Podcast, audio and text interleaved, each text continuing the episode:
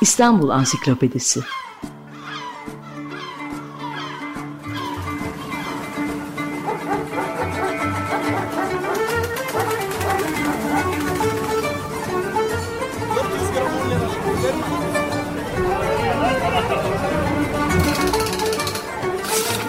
İnsanlar, olaylar, mekanlar, gelenekler ve ihtiyaçlar üzerinden şehrin tarihinden sayfalar.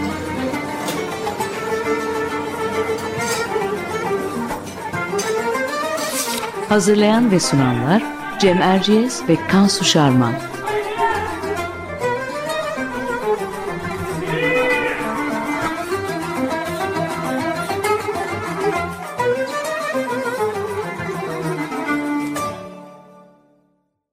Merhaba, Cem Erciyes ben. Açık Radyo'da Kansu Şarman'la birlikte hazırladığımız İstanbul Ansiklopedisi'nin yeni bir programındayız.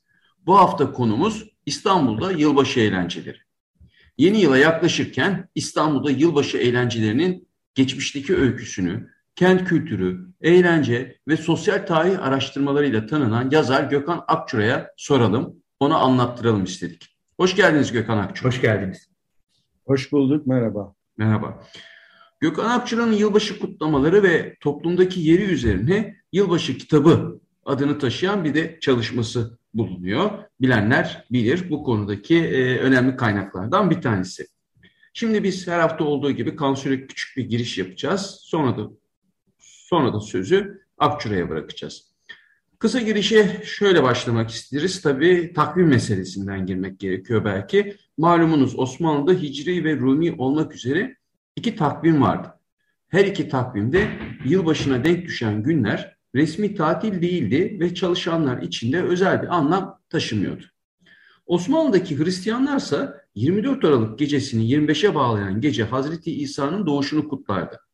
Miladi takvime göre 31 Aralık gününü 1 Ocağa bağlayan gecenin dinsel bir önemi olmasa da 19. yüzyıl başından itibaren Avrupa'daki uygulamalara benzeyen kutlamaların buralarda da yapıldığını görüyoruz. Ama tabii halkın katılımının olduğu değil de İstanbul'daki diplomatik çevrelerin düzenlediği yeni yıl balolarına e, Osmanlı devlet adamlarının da katıldığını biliyoruz. Peki Cumhuriyet dönemi için özetle neler söyleyebiliriz? Kansu. E, Cem şöyle, e, tabii Cumhuriyet'in modernleşme ve Batı medeniyetine entegrasyon faaliyetiyle birlikte bakmak lazım e, bu konuya. 1926'da miladi takvime geçilmesi ve 1927'de 1 Ocak gününün resmi tatil ilan edilmesiyle de e, artık yılbaşı kutla, kutlamalarının tabii devletin de teşvikiyle toplumda yavaş yavaş daha fazla yer edinmeye başladığını e, fark ediyoruz. E, 1900, 1930'lu yılların başından itibaren e, bir yılbaşı ekonomisinin oluştuğu, esnafın bu dönemdeki alışveriş ortamı için hazırlık yaptığı, ilanlar verdiği, e, tayyare piyangosunun özel çekilişler yaptığı bir e, dönem artık bu. E, şimdi ben sözü daha fazla uzatmadan hem Osmanlı hem de Cumhuriyet döneminde yılbaşı kutlamalarının detayları için Gökhan Akçura'ya dönelim istiyorum. E, Gökhan Bey şöyle başlayalım mı? E, Osmanlı'da farklı takvimler kullanılıyor demiştik. Yılbaşı da farklı bir tarihte geliyor tabii. E, peki Hicri ya da Rumi takvime göre yılbaşını kutlamak gibi bir adet var mıydı? E, nasıl oluyordu Osmanlı döneminde bu durum? Şimdi Osmanlı'da gayrimüslim kesimi dışarıda bırakırsak Müslüman kesim için bir yılbaşı yok. Ne Hicri ne işte Rumi takvim denk gelmiyor böyle bir şeye. O yüzden e, bu tatilin kökenlerini ve e, işte şeyi 31 Aralık 1 Ocak tarihlerinin anlamını önce gayrimüslimlerde görüyoruz. Siz de özetlediniz zaten. Ee, Ortodoks Rumlar İsa'nın sünnet günü olarak anıyorlar. Efendim e, Ermeniler 1 Ocak'ta kutladıkları yılbaşına Gaant adını veriyorlar ve 31 Aralık gecesi ailecek bunu kutluyorlar. Ama esas mesela Ahmet Rasim'in kitaplarına bakarsak yılbaşında e, daha çok eğlence ve özellikle de kumar üzerine bir vurgu görüyoruz. E, İstanbul'un Türk yakasından da birçok insan gelip bu kumarlara katılıyor, eğlencelere katılıyor. Ee, mesela Sermet Muhtar Alus Yılbaşı gecesinde çeşitli mekanlarda Union Francaise, Teutonia, İstanbul Kulübü, Circle Orient gibi yerlerde toplandıklarını, eğlenceler düzenlediklerini söyler. Bir de çok ilginç bir noktaya tesadüf eder. Mesela saat 12'de ışıkları söndürüp yakılması adeti o zaman var mıydı diye aklınıza gelebilir. Diyor nasıl olsun diyor. Hava gazı var diyor. Hava gazı musluğunu kesmek kolay. Sonra ne yapacağız? Tek tek birer birer kapayacağım, birer birer açacaksın, kibrit çakacaksın, yakacaksın. Bunun için merdiveni sırtlayıp getireceksin, dikip üzerine çıkacaksın. Ulan kim yapar? Sabah olur, yılbaşı gecesi geçer gider yani. yani teknik olarak zaten mümkün değilmiş, onu anlıyoruz. Yeterli mi bu bilgi efendim?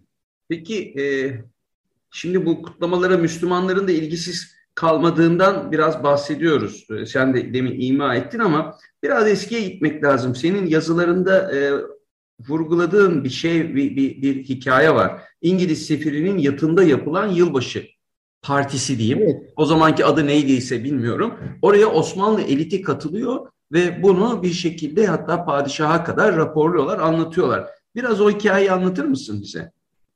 Tabii bu balo tarihimizin başlangıcı aynı zamanda. 1829 yılında İstanbul'daki İngiliz elçisi Haliç'te bulunan bir gemide, bir İngiliz gemisinde büyük bir balo veriyor. Baloya Osmanlı devlet adamları da davet ediliyor. Bunlar önce yatsı namazını tersane divanhanesinde kılıyorlar. Sonra sandallarla gemiye gidiyorlar ve sabaha kadar eğleniyorlar. Serasker Hüsrev Paşa diyor ki kafir işi fakat ne çare. Devletçe bir şey oldu katılmak lüzum etti. Ama dipten dipten anlıyoruz ki bu işten zevk almaya başlamışlar. Bu gavur icadına tövbe tövbe diyerek katılım Cumhuriyete kadar sürüyor. İşte tebin anlattığım Galata Beyoğlu'ndaki Noel'lere, yılbaşılara katılmada o, o tarihten giderek arta arta e, 20. yüzyıla kadar geliyor. Şimdi o, o par, e, balo ile ilgili bak ben parti diyorum nasıl komik oldu şimdi. O yılbaşı balosu ile ilgili tabii e, padişaha da bilgi veriliyor galiba. E, ama ona, ona da böyle överek anlatmıyorlar. Hani e, şey e, mecburiyet. Mecburiyet gibi anlatıyorlar. Evet, evet. Ha, bak Abdülmecit de 1856 yılında Fransız sefiri tarafından düzenlenen bir yılbaşı balosuna katılmış. Bu da notlarımızda var yine İstanbul'da bizzat padişahın katıldığı bir yılbaşı balosu olarak kayda evet, geçmiş. Abdülmecit zaten biliyorsunuz batıya çok yakın evet. bir padişah. Çeşitli Naum tiyatrosundaki gösterilere falan da gidiyor. Ama bun, bunlar biraz işin hikayenin e, ekstra konuları. Esas e, ivme ise T 1918'lere kadar sadece katılım, uzaktan takip, yavaştan içine girip işte kumarına, fuhuşuna, eğlencesine katılmak düzeyinde kalıyor. Yani o e, İstanbul'un Haliç'in öbür tarafı bu, bu, bu tarafa yani e, Pera tarafına geçmeye başladıktan sonra e, bütün bunlar ortaya çıkıyor. Tabii e, işgal dönemi de galiba önemli bu anlamda. Yani iş, işgal İstanbul'unda da e, artık biraz Müslüman e, ahali de diyelim e, bu çok kültürlü şenlik ortamına dahil olmaya başlıyor. Zaten yılbaşının başlangıcını mesela bizim eğlence kültürümüze girişini Refik Halit Karay diyor ki benim hesabıma göre mütareke devrinde bilhassa çok kullandıkları o sözden dolayı kadınlarına haraşolar dediğimiz hı hı. beyaz Rus akını başladıktan sonra diye cevap verir. Bir sürü batıcıl e, geleneği şeyi adeti zaten beyaz Ruslar getirdi biliyorsunuz ülkeye. Evet. İşgal İstanbul'u da böyle bir ara dönem olduğundan hani e, ne bileyim işte müteasıpları müteasıplık yapamadığı, e, İstanbul tarafıyla Pera tarafının iç içe de girdiği her ne kadar savaş koşulları varsa da aynı zamanda yoğun bir eğlence, işte bu iç içelik durumları var. E, Cumhuriyet'in aslında bir sürü ögesi bence bu Beyaz Rusların ortaya getirdiği eğlence ve işte diğer bir sürü öge, ögeleri Hı-hı. düşünürsek Tombala bile mesela o zaman başladı der Alus. E, hep beyaz Ruslara aittir diye düşünüyorum. Peki gelelim miladi takvime. Takvimle başladık, takvimle devam edelim. 1926 yılı Türkiye'nin miladi takvime geçişi. Bundan sonra Cumhuriyet Türkiye'sinde yılbaşı tabii ki genel olarak kutlanmaya başlanıyor. İlk yıllarda nasıl kutlanıyor? E, galiba Ankara'da devlet erkanına öncülük ediyor. Yani yine e, bir devletin öncülüğünde başlıyor bu halk kutlaması sanki. Ee, bilmiyorum ben ona pek rastlamadım. Yani tamam miladi takvim kabul ediliyor 26 yılında ama daha yılbaşını izleyen gün yani 1 Ocak tatil değil.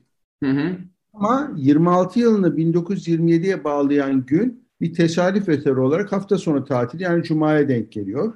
Yapılan yap eğlenceler büyük ilgi görüyor. Elektrik idaresi ilk kez o gece saat tam 12'de kentin bütün ışıklarını bir dakika söndürüyor. Ama yani öyle bir e, merkezi bildiri, açıklama, kutlama, yılbaşı balosu yok. E, Yıldız Sarayı'nda kumarhane işletiliyor aynı aynı yıl. Orada büyük bir e, kutlama var işte balolu gibi vesaire.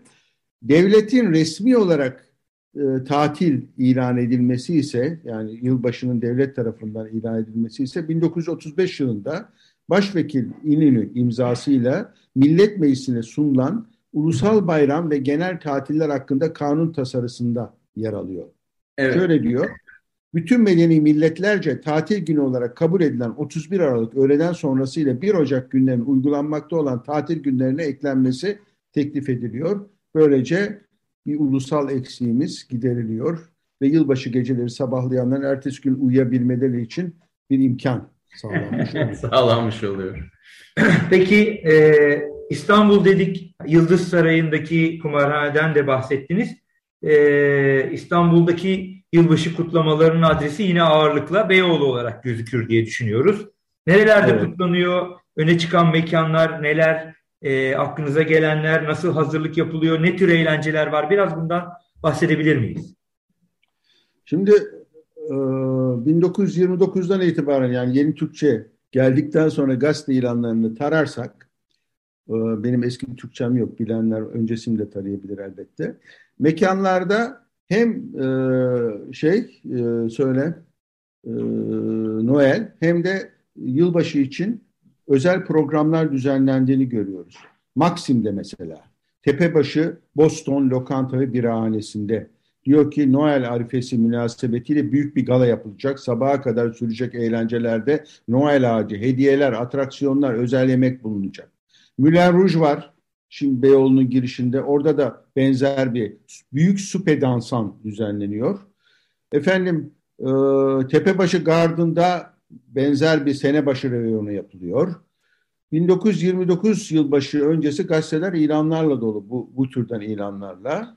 Bir yıl sonra mesela gazeteler gecenin izlenimlerini aktarıyor. Bir alıntı mesela oradan. Dün gece 29 senesinin sonu yani yeni senenin başlangıcıydı. Halk yeni seneyi karşılamak için akşamdan eğlence yerlerine dökülmüş. Sabah ortalık ağrıncıya kadar eğlenmiştir. Büyük barlar, Tokatlayan Oteli'nin bütün masaları evvelden tutulmuştu. Bundan başka ikinci derece barlar ve birahanelerde de oturacak yer kalmamıştı. Saat 8'den itibaren tramvaylar İstanbul halkını Beyoğlu'na taşımış, Beyoğlu sokakları sabahlara kadar kalabalıktan geçilmeyecek bir hal almıştı falan filan diye devam ediyor. Bu yıllar boyunca sürüyor ama yılbaşının esas patlaması bence daha sonra ona herhalde yeni sizin bir sorunuzda girebileceğiz. Ee, şöyle aslında oradan devam edebiliriz Gökhan Bey ama hani şu, hemen araya şu şeyi katayım e, yeri gelmişken bu piyango ve şans oyunlarının e, yılbaşı denilince özel bir yeri var. E, bu e, teyyare piyangosunun yılbaşı için de uygulanır olması nasıl başlıyor? İşte beklediğim soru buydu. Yılbaşı aslında bizde o büyük bir efsane olarak yılbaşının gitgide büyümesinin başlangıcını ben hep 1931 yılını 32'ye bağlayan gece olarak düşünürüm. Çünkü bu gece Tayyare Piyangosu ilk defa özel yılbaşı piyangosu düzenliyor. Yılbaşı çılgınlığının başlaması böyle bir şey. Mesela Tayyare Piyangosu o zaman Milli Piyango değil adı Tayyare Hı. Piyangosu. Türk Hava Kurumu tarafından yapılıyor. Türk Hava Kurumu'nun dergisi açıklıyor. Bütün dünyada bir adet vardır. Eski seneden yeni seneye geçilirken o gece tam gece yarısında herkes yeni senedeki talihini denemek için oyun oynar, piyango çeker. Bizim memleketimize kumar oynamak ve piyango çekmek kanunen yasaktır. Piyango çekmek hakkı yalnız Türk Tayyare Cemiyeti'ne verilmiştir diyor ve o yılbaşıdan itibaren bir mit haline geliyor. Gitgide piyango bayileri artıyor, ilanlar artıyor. Tam sayfa, gazetelerde tam sayfa piyango ilanları görüyoruz. Bayilerin verdikleri. Galata Kulesi üzerinde bayiler var. Böyle üzerinde e, ışıklar yanan e, uçak maketleri var bunların. İşte meşhur o dönemin uzun emerinden tut, Naşit bile şey yapıyor, milli piyango bayiliği yapılıyor. Bir sürü piyango bayisi ortaya çıkıyor ve bu efsane yıllar boyunca artarak yani bizim de bildiğimiz yakın dönemlere kadar şimdi pek hükmü yok ama e, filmler çekildi biliyorsunuz milyoner vesaire diye e, giderek arttı. Yılbaşının büyümesinin, katlanmasının, köpürmesini ben bu olaya veriyorum. E, bir de tabii zaten meşhur piyangocular da ortaya çıktı. Biraz önce ismini saydıklarımız gibi. İşte Nimet abla piyangocusu, Kolsuz'un piyango bayi filan gibi. Ee, evet. Pek çok piyango Oraya girmedim. Bayi... Uzayacak çünkü konu. Oraya girersen bitmez. Tamam. piyango tarihi apayrı bir tarih ama e, sizin de vurguladığınız gibi o yazıda da zaten Teyyare dergisindeki yazıda da söylüyor. Yani insanlar muhtemelen yılbaşındaki bu kumar ve piyango tutkusunun böyle bir anlamı var. Yani hep yılbaşını niye kutluyoruz? Yeni yıl bize şans getirsin. Yeni yıl bize e, uğurlu fırsat uğur, uğurlu gelsin, fırsat getirsin. İşte tam da evet, o noktada evet. bir şansını deniyorsun ve hani e, böyle bir iyimserlikle bu işlere giriyorsun ama e, tabii kazanmaktan çok kaybetmek var bu işlerde. Peki yılbaşı kutlamaları bu çok güzel. Yani piyango aslında e, biraz daha ulusallaşmasına e, aracılık etmiş yılbaşı kutlamalarının Türkiye'de. Yine de ne kadarlık bir kesiminde karşılık buluyor? Yani İstanbul, Ankara ve İzmir gibi şehirler dışında halkın yılbaşı kutlamalarına, Türkiye e, halkının e, yılbaşı kutlamalarına katılımı nasıl gerçekleşiyor? Bu konuda elimizde bir şeyler var mı? Valla böyle biraz e, iğneyle kuyu kazar gibi topladım e, bilgileri. Mesela 1931 yıl sonunda yurdun çeşitli bölgelerinde yapılan yılbaşı kutlamalarını Akşam Gazetesi hmm. küçük haberler biçiminde aktarmış. Mardin'de Gazi Mektebi'nde sabaha kadar süren bir müsamere. Diyarbakır'da, Diyarbakır'da Kolordu tarafından düzenlenen balo.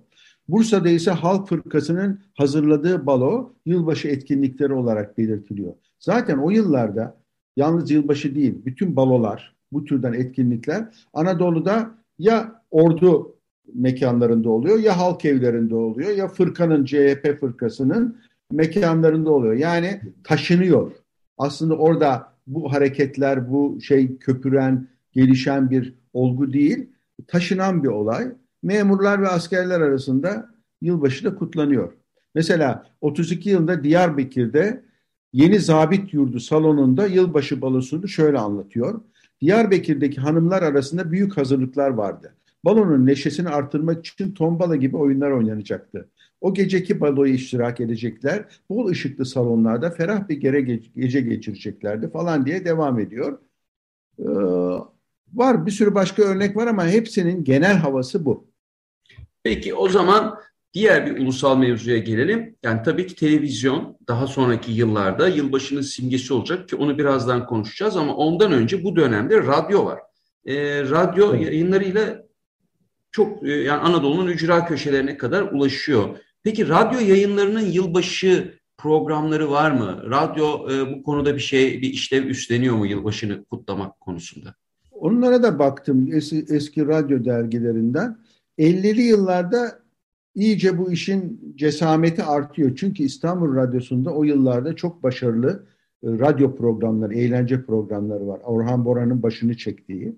Mesela 52 yılında Ankara Radyosu'ndaki yılbaşı programında çalınmak üzere Nihat Baysal 15 dakikalık bir plak doldurmuş.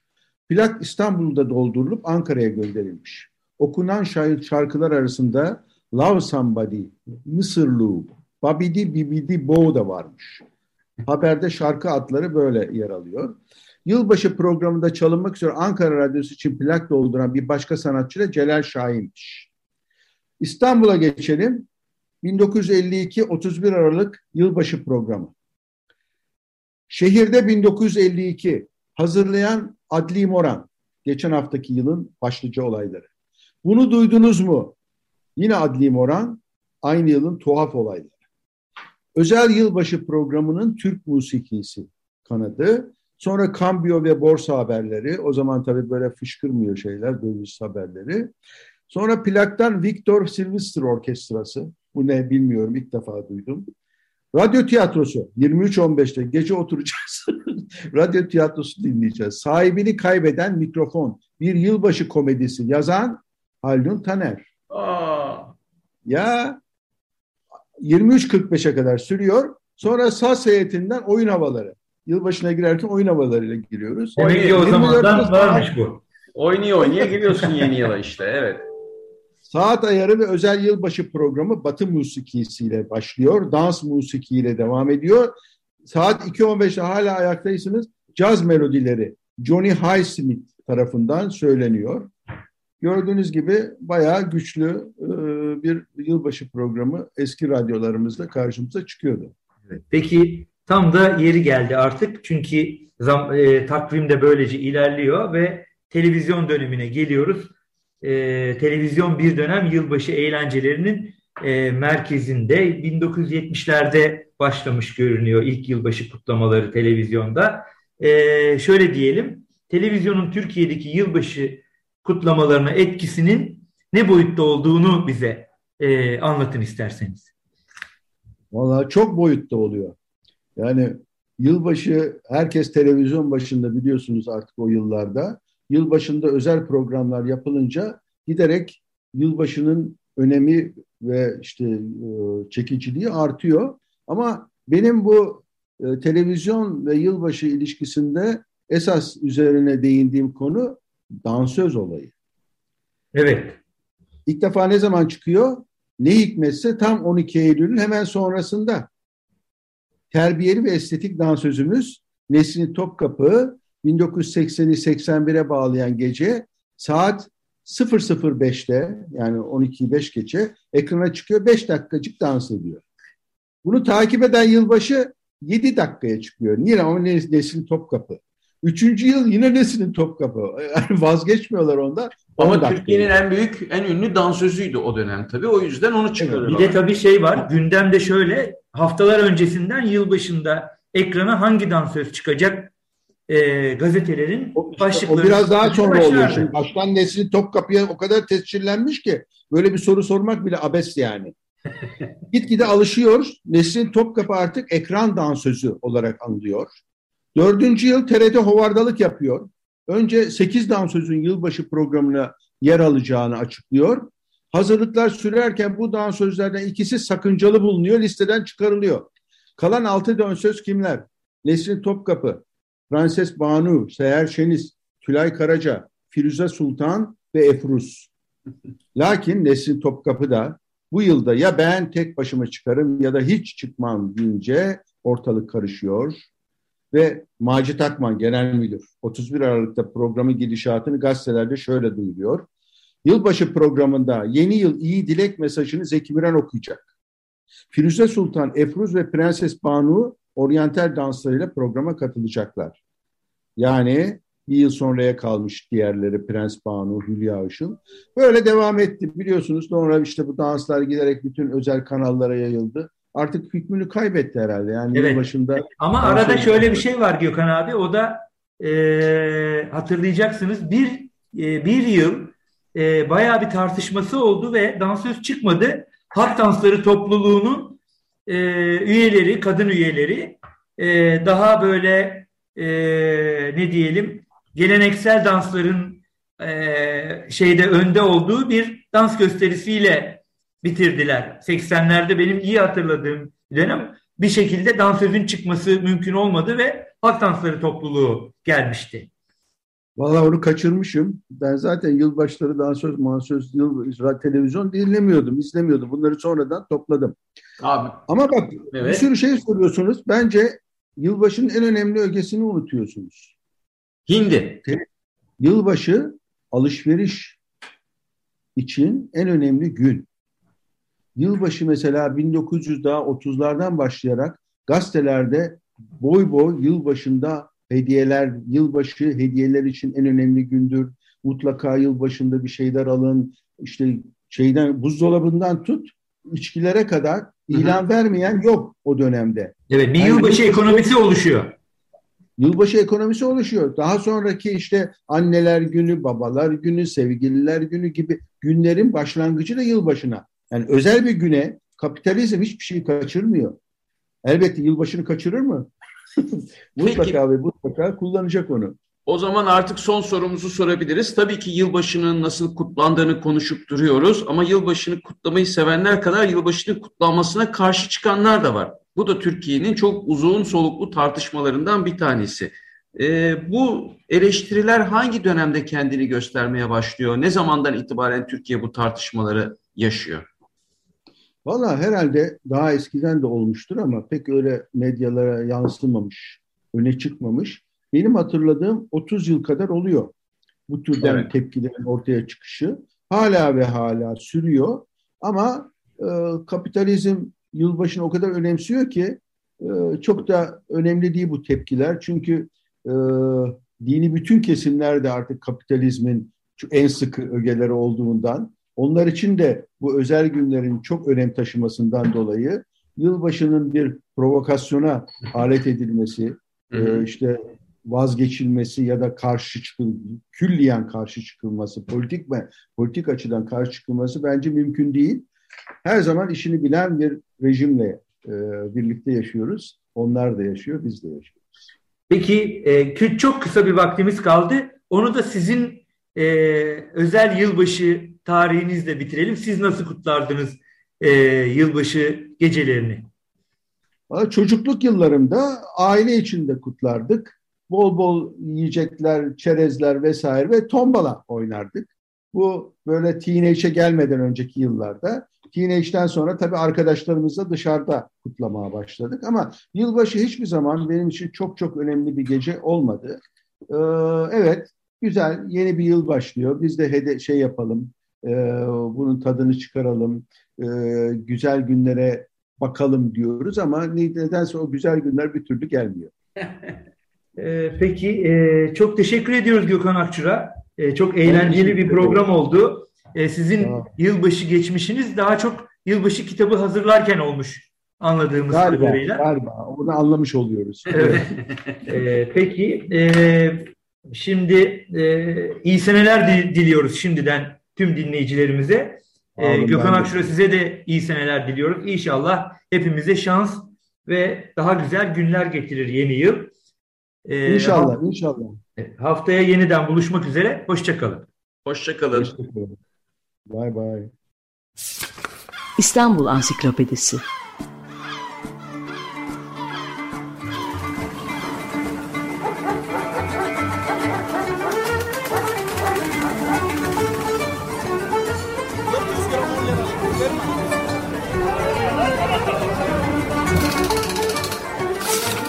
İnsanlar, olaylar, mekanlar, gelenekler ve ihtiyaçlar üzerinden şehrin tarihinden sayfalar.